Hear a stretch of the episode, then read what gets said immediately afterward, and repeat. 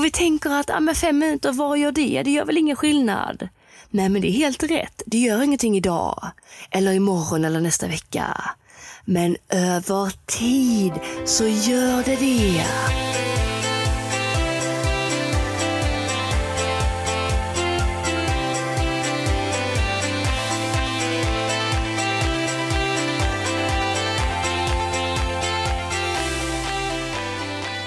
Någonting jag tror att vi alla människor har gemensamt, det är att vilja bli bättre.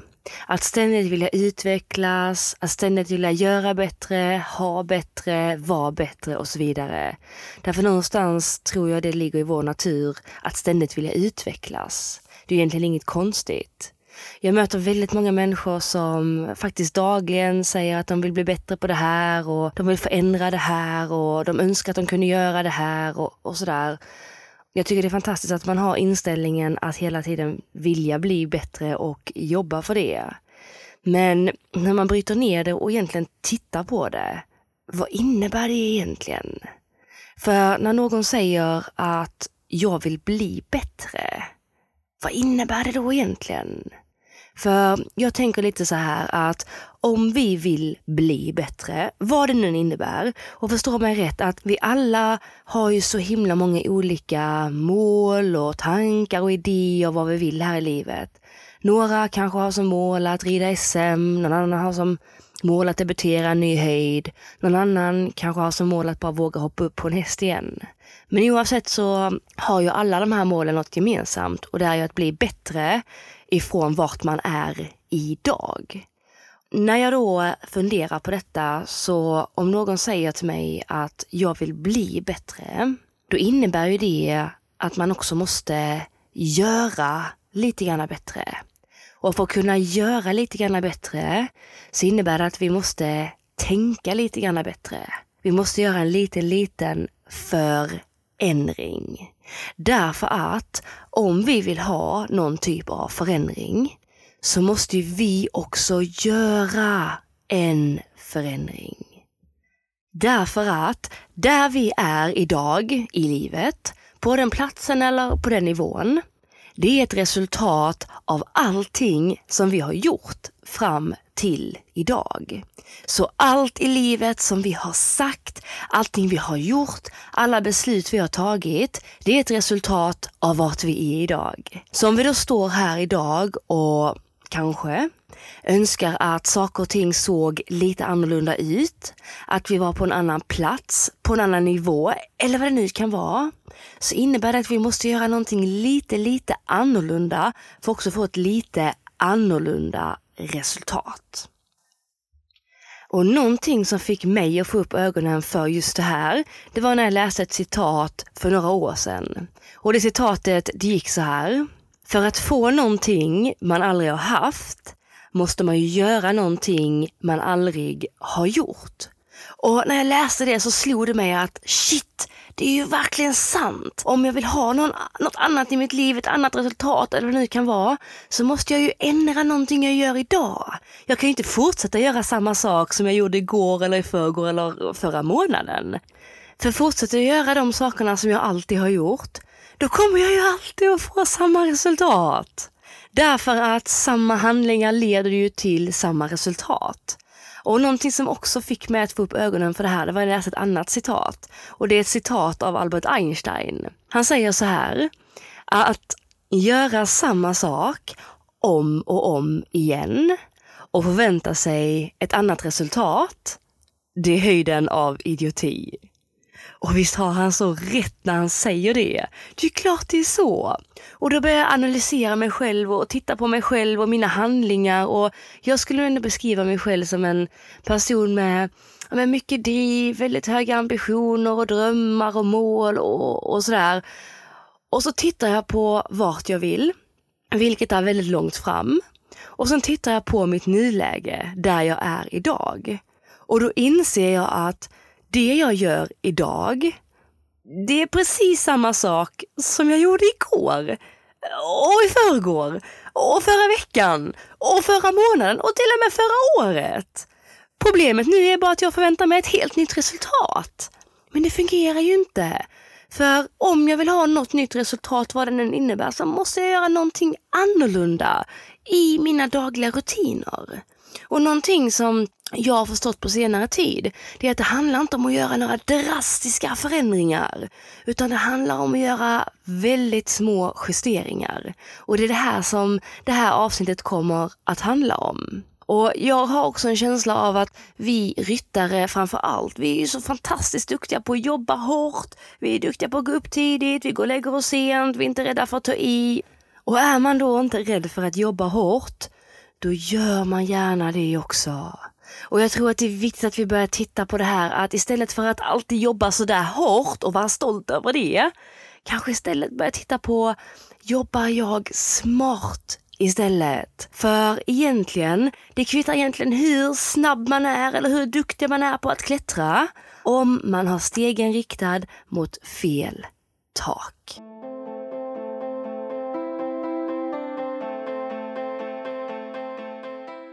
Så hur jobbar man smart då egentligen?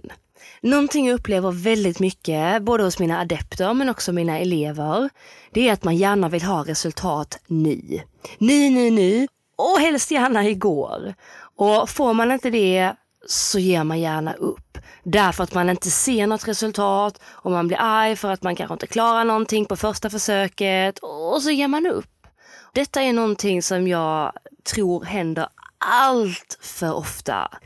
För grejen är att problemet är ju inte att man inte får resultat. Problemet är att man ger upp när man inte får resultat. Och egentligen är det ett väldigt konstigt tankesätt. För hur ska man kunna något när man inte har tränat? Hur ska man kunna något på bara några få försök? Och det är då jag hör, ah, men jag kan inte. Nej, du kan inte just nu. För att du har inte lärt dig än. Man måste ju börja göra för att sen kunna. Och jag har all respekt för att det här tankesättet kan ligga väldigt nära oss. För jag menar, vi lever i ett samhälle där allting ska gå så himla snabbt. Vi kollar bara Instagram idag. Inläggen som vi scrollar framför oss, har inte de fångat vårt intresse på två sekunder eller en sekund, en halv sekund så scrollar vi vidare. Så vi vill ha de här snabba kickarna, vi vill ha snabba resultat och det är någonstans här jag tror att vi faktiskt går väldigt, väldigt fel och det är just det här som kostar oss själva framgången. För jag vet inte, men det känns som att idag, vi tittar mycket på film idag. Och på film, absolut, där händer det. Där kommer resultaten över en natt. För jag menar, alltid när man kollar på film, Visst är det alltid någon som vaknar upp på morgonen och öppnar ytterdörren och så står det 15 journalister utanför och så är man känd på natt. Men det är på film. I verkligheten så fungerar det inte så. För i verkligheten handlar det om att istället göra små, små, små, små, små saker under en lite längre tid.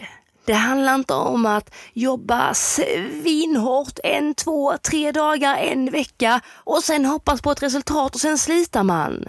Utan det handlar om, istället om att göra minimala grejer varje dag under en lite längre tid. Och det är det som hemligheten är när vi pratar om framgång. För vi kan bara ta ett exempel som i gymmet till exempel. Om jag går till gymmet och tränar intensivt varje dag, två timmar i en månad. I slutet av den månaden, absolut, det kommer ju ha hänt lite grann. Men jag kommer ju absolut inte ha blivit ordentligt tränad. Hade jag istället gått till gymmet, ja, men säg tre dagar i veckan under ett år då hade man ju kunnat se väldigt stora skillnader på mig i slutet av det året. Och det är just det som framgång också handlar om. För vi kan bara ta ridningen som ett exempel. Någonting som vi alla vill bli bättre på. Säg att jag skulle gå och ha en träning hos min tränare och så säger han så här. Okej Johanna, kanon, du är på helt rätt väg. Men om du ska kunna debutera den här nya höjden så måste du få en bättre position och en bättre balans. Okej, kanon säger jag då och så blir jag motiverad för visst fasen vill jag bli en bättre ryttare. Men så kommer jag hem och tänker, ah, men hur ska jag göra det här då? Hur ska jag träna upp min balans? Ja, men jag kanske ska släppa stigbilarna. Det är ju en rätt så bra idé. Okej, så nu jäklar ska jag bli en bättre ryttare. Så jag går hem och redan dagen därpå så släpper jag stigbyglarna. Och jag rider utan stigbyglar 45 minuter. För nu jäklar ska jag bli bra. Samma dagen därpå, jag kommer till stallet, jag hoppar upp i sadeln, jag slänger upp stigbyglarna, en på varje sida och börjar rida. Och denna dagen så rider jag utan stigbyglar 45 minuter igen. Dag tre är samma sak, 45 minuter. Och så kommer jag till stallet dag fyra och nu börjar det kännas lite grann i benen. Det börjar bli lite trångt i musklerna. Men jag kan ju verkligen inte ge upp efter tre dagar så att jag rider utan stigbyglar igen då, men kanske 30 minuter. Jag går till stallet dag fem igen, 30 minuter igen. Dag 6, 30 minuter. Dag 7 blir 25 minuter. Dag 8 så rider jag utan stigbyglar 20 minuter. Dag 9 20 minuter. Och så dag 10 är det mycket på jobbet eller mycket i skolan. Så 20 minuter kanske blir 15 minuter. 15 minuter blir sen 12 minuter som blir 10 minuter. Och efter dag 18, dag 19 så är jag nere på 8 minuter. 8 blir 7 minuter, blir 6 minuter och någonstans efter 20-22 dagar så är jag nere på 5 minuter. Och då är min fråga så här. Efter de här 45 plus 45 plus 45 plus 30 plus 27 plus 25 plus 20 plus 18 plus 10 plus 5 under de här tre veckorna. Har det gjort mig till en bättre ryttare? Jag är tveksam. Man kanske inte kan se jättestor skillnad på mig efter de här 21 dagarna. Men någonstans här efter 21 dagar har jag faktiskt gett upp. Och det här mönstret ser jag väldigt, väldigt ofta. Att man blir väldigt motiverad till en början, man blir verkligen passionerad för nu ska man bli riktigt, riktigt bra.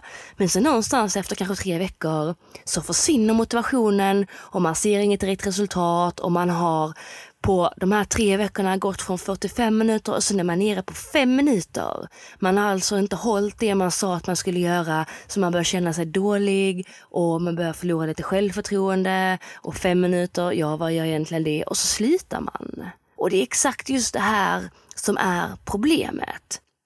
Så om vi då ska ta det här exemplet och så skjuter vi det åt sidan lite granna och så byter vi ut det här exemplet och så säger vi istället att tänk om jag skulle rida utan stigbyglar, säg fem minuter.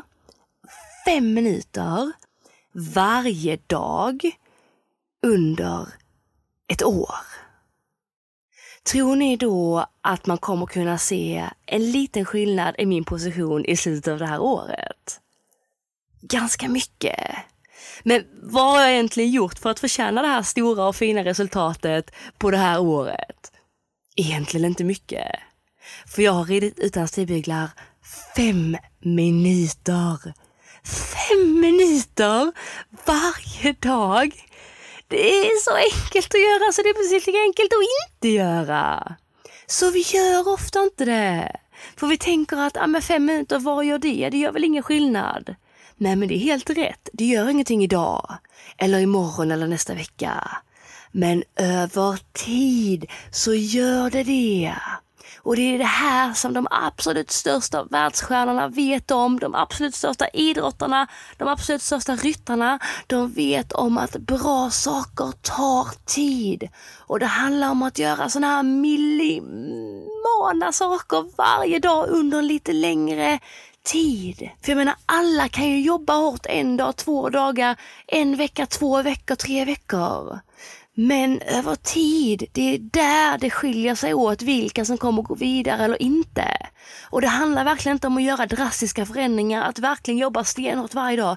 Utan som sagt, det handlar om att göra de här pyttesmå grejerna varje dag. Bara som att rida utan stigbyglar, säg fem minuter varje dag under ett år.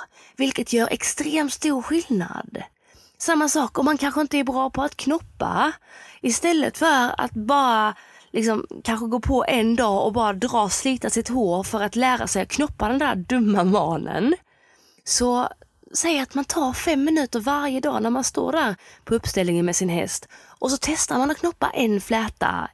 Lär sig i omgångar att först, hur stor bit ska jag ta av manen? Lär sig att fläta den och sen när man har gjort det, hur man knoppar den. Och så gör man det lite varje dag och är beredd på att det kanske inte blir perfekt dag ett. Eller det blir inte perfekt dag två eller kanske inte dag 10 eller dag 30 heller. Men jag lovar dig att efter dag 40 eller 50 eller 80, inte vet jag, så kommer du att ha lärt dig det. För hjärnan lär sig mycket bättre också om den får göra lite av en sak varje dag. Det är samma när man till exempel haft glosor i skolan. Om man kommer på så här dagen innan att åh oh shit, jag har ju de här glosorna och så råtränar man dem. Absolut, man kanske lär sig dem, men väldigt, väldigt ytligt. Och dagen därpå igen eller två, tre, fem dagar efter så kommer man inte ihåg. Därför att man har inte lärt hjärnan på rätt sätt. Så det handlar verkligen om att göra de här små grejerna varje dag. De här sakerna som man tänker inte har någon betydelse, men som i själva det långa loppet faktiskt har det.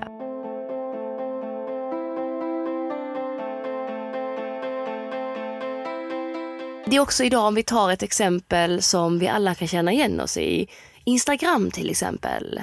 För vi ser människor idag med stora Instagramkonton och när vi väl kommer in på ett nytt inspirerande konto så ser vi bara de här flera tusentals följarna, det här inspirerade kontot. Och så blir vi inspirerade och så önskar vi att vi kanske hade detsamma vi själva. Vad vi inte ser är hela historien bakom. Det enda vi ser är det vi har framför oss nu. Det där stora inspirerade kontot med alla de där följarna. Vi ser inte vad som hände för ett år sedan, eller för två år sedan, eller för tre år sedan.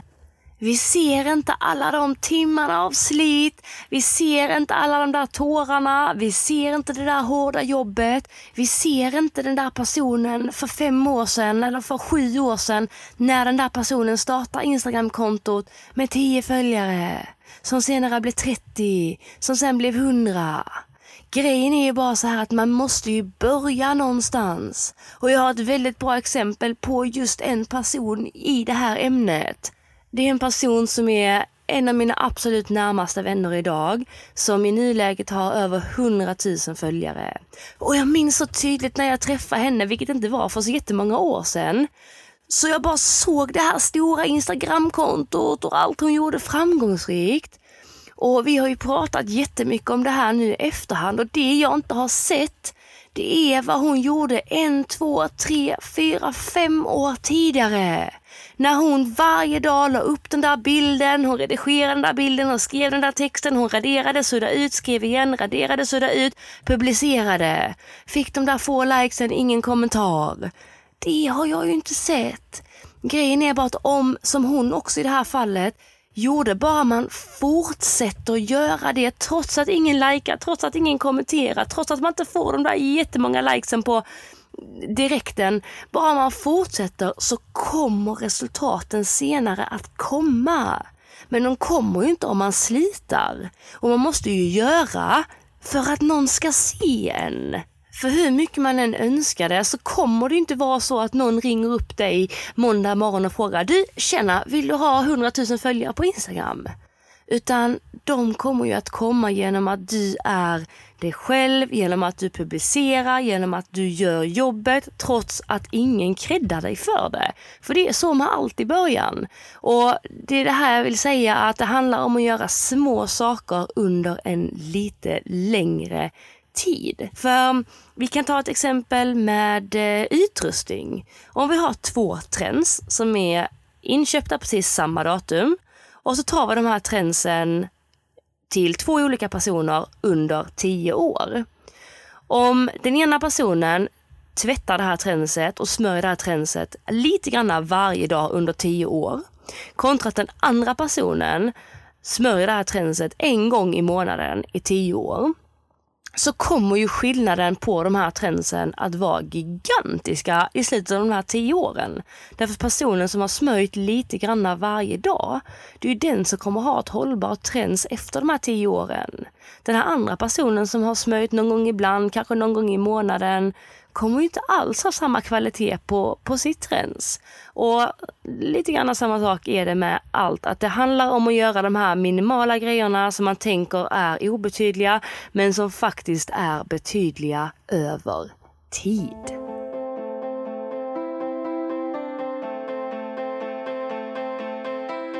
Okej, så då vet vi om att bra saker tar tid och de måste få göra det. Och det handlar om att göra de här minimala sakerna lite grann varje dag under en lite längre tid. Sen är det också så här att när du påbörjar din resa på den nya vägen mot det du vill göra, det här du vill förändra, så lovar jag dig att du kommer att stöta på hinder, du kommer stöta på motgångar, du kommer stöta på massvis med steniga stigar, du kommer stöta på backar, du kommer stöta på stormar, du kommer stöta på misslyckanden, motgångar, allt däremellan. Och alla de här sakerna kommer att få dig att tvivla, kommer få dig att tvivla på dig själv, kommer att få dig att tvivla på om det här verkligen var rätt väg för dig att ta. Det kommer få dig att känna dig hopplös, det kommer få dig att känna dig dålig, du kommer att äh, känna dig rent av ja, men totalt hopplös. Och alla de här sakerna kan också få dig att faktiskt slita. Därför alla de här känslorna som kommer är extremt obehagliga. Men innan du slutar, stanna bara där och och stå still, bara du inte backar tillbaka. För att alla de här känslorna som kommer, de är helt normala. Och varför du känner dig hopplös, varför du känner dig dålig, det är för att du aldrig har varit på den här stigen innan. Du har inte varit i det här området innan. Och när vi är i områden som vi inte har varit på tidigare så känner vi oss väldigt osäkra. Men jag lovar dig att den här känslan är inte långvarig om du bara vågar hålla ut och bara fortsätta. Göra någonting litet, litet som tar dig mot ditt mål. För motgång är aldrig långvarig. Men ibland har vi en tendens att ge upp när det är lite motigt och det känns motigt lite för länge. Men grejen är så här att ofta så är det precis när vi håller på att ge upp som vi är sådär extremt nära. Men vi får inte uppleva det därför att vi har gett upp tidigare. Så vad vi behöver göra det är att bara våga stanna kvar i den här jobbiga känslan. Våga stanna kvar i den här osäkerheten, i den här hopplösheten. Därför att när vi gör saker som vi aldrig har gjort tidigare så kommer vi att känna oss osäkra, vi kommer att känna oss ängsliga. Därför att när vi kliver ur vår comfort zone och gör sånt vi inte är vana vid, det är någonstans där som, som benen börjar skaka, som handsvetten börjar komma, som svetten börjar rinna. Det är någonstans här som vi börjar bli osäkra på oss själva, börjar ifrågasätta oss själva. Men alla de här signalerna som kommer, det är bara signaler som tyder på att vi är på väg utanför vår comfort zone. Och det är utanför vår comfort zone som vi hittar alla de här nya resultaten.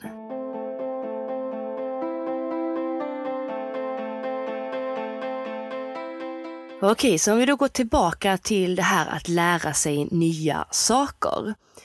Att lära sig nya saker, det gör vi ju ständigt, men någon vi lär oss väldigt mycket hos, det är ju hos våra tränare.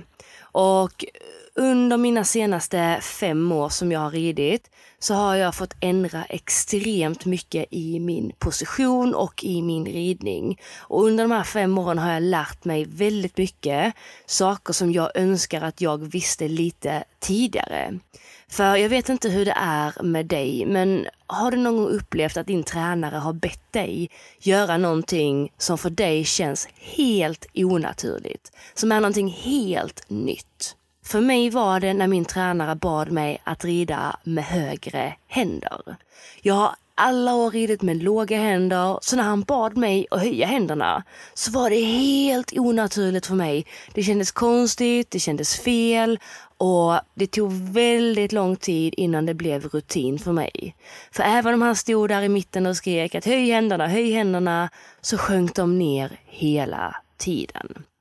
Jag antar att du har något liknande och det behöver inte bara handla om händerna, det kan handla om vad som helst. Problemet när vi ska lära oss nya grejer, det är att vi vill att det från början ska kännas bra. Problemet är bara att den nya grejen till en början inte alla gånger måste kännas bra. Och Det andra problemet är ju att vi rider ju med vår känsla. Vi vet hur det ska kännas, vi har inbyggda signaler i vår hjärna som gör att vi vet när vi har rätt känsla. Grejen är bara att när vi ska lära oss något nytt så måste vi koppla bort den här känslan. Därför att för, till en början så kan det kännas väldigt, väldigt, väldigt fel för hjärnan. Så även om din ridlärare står i mitten och säger att du ska göra det här och det här och det känns fel, så måste du lita på det.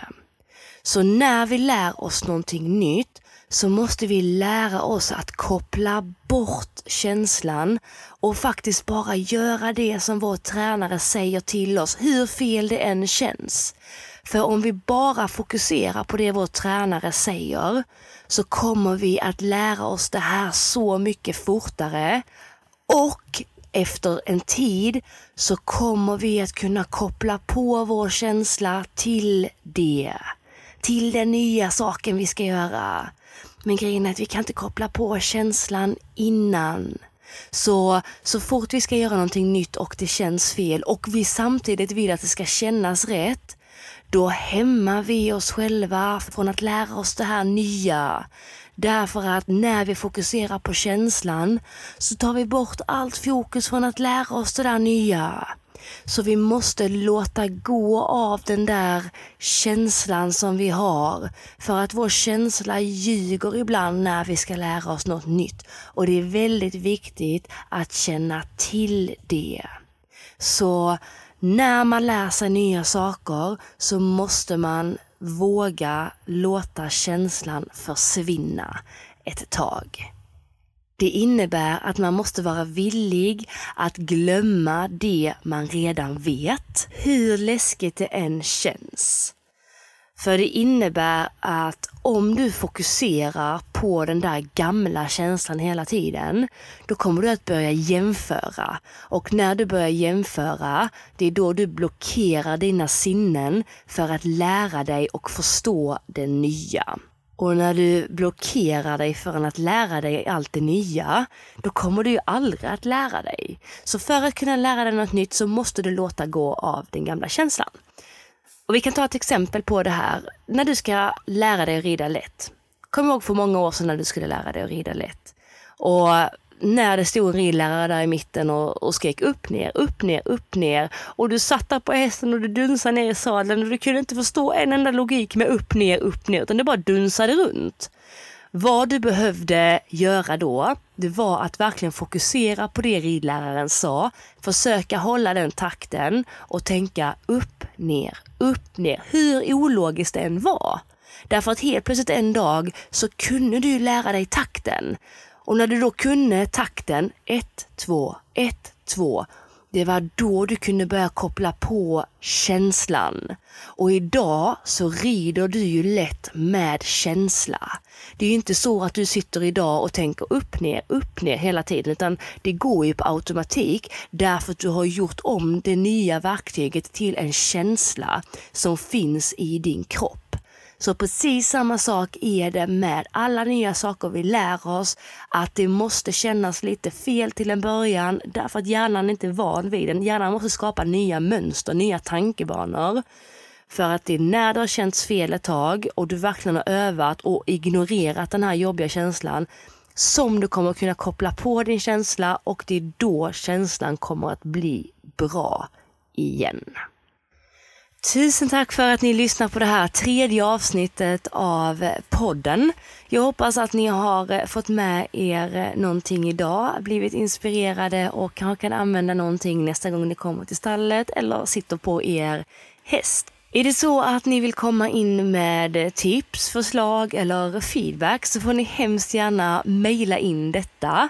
Detta gör ni på en mental halvhalt at ryttarinspiration.se Och jag vill verkligen passa på att tacka för all den fina feedbacken som ni har kommit med. Det betyder verkligen alltså hur mycket som helst.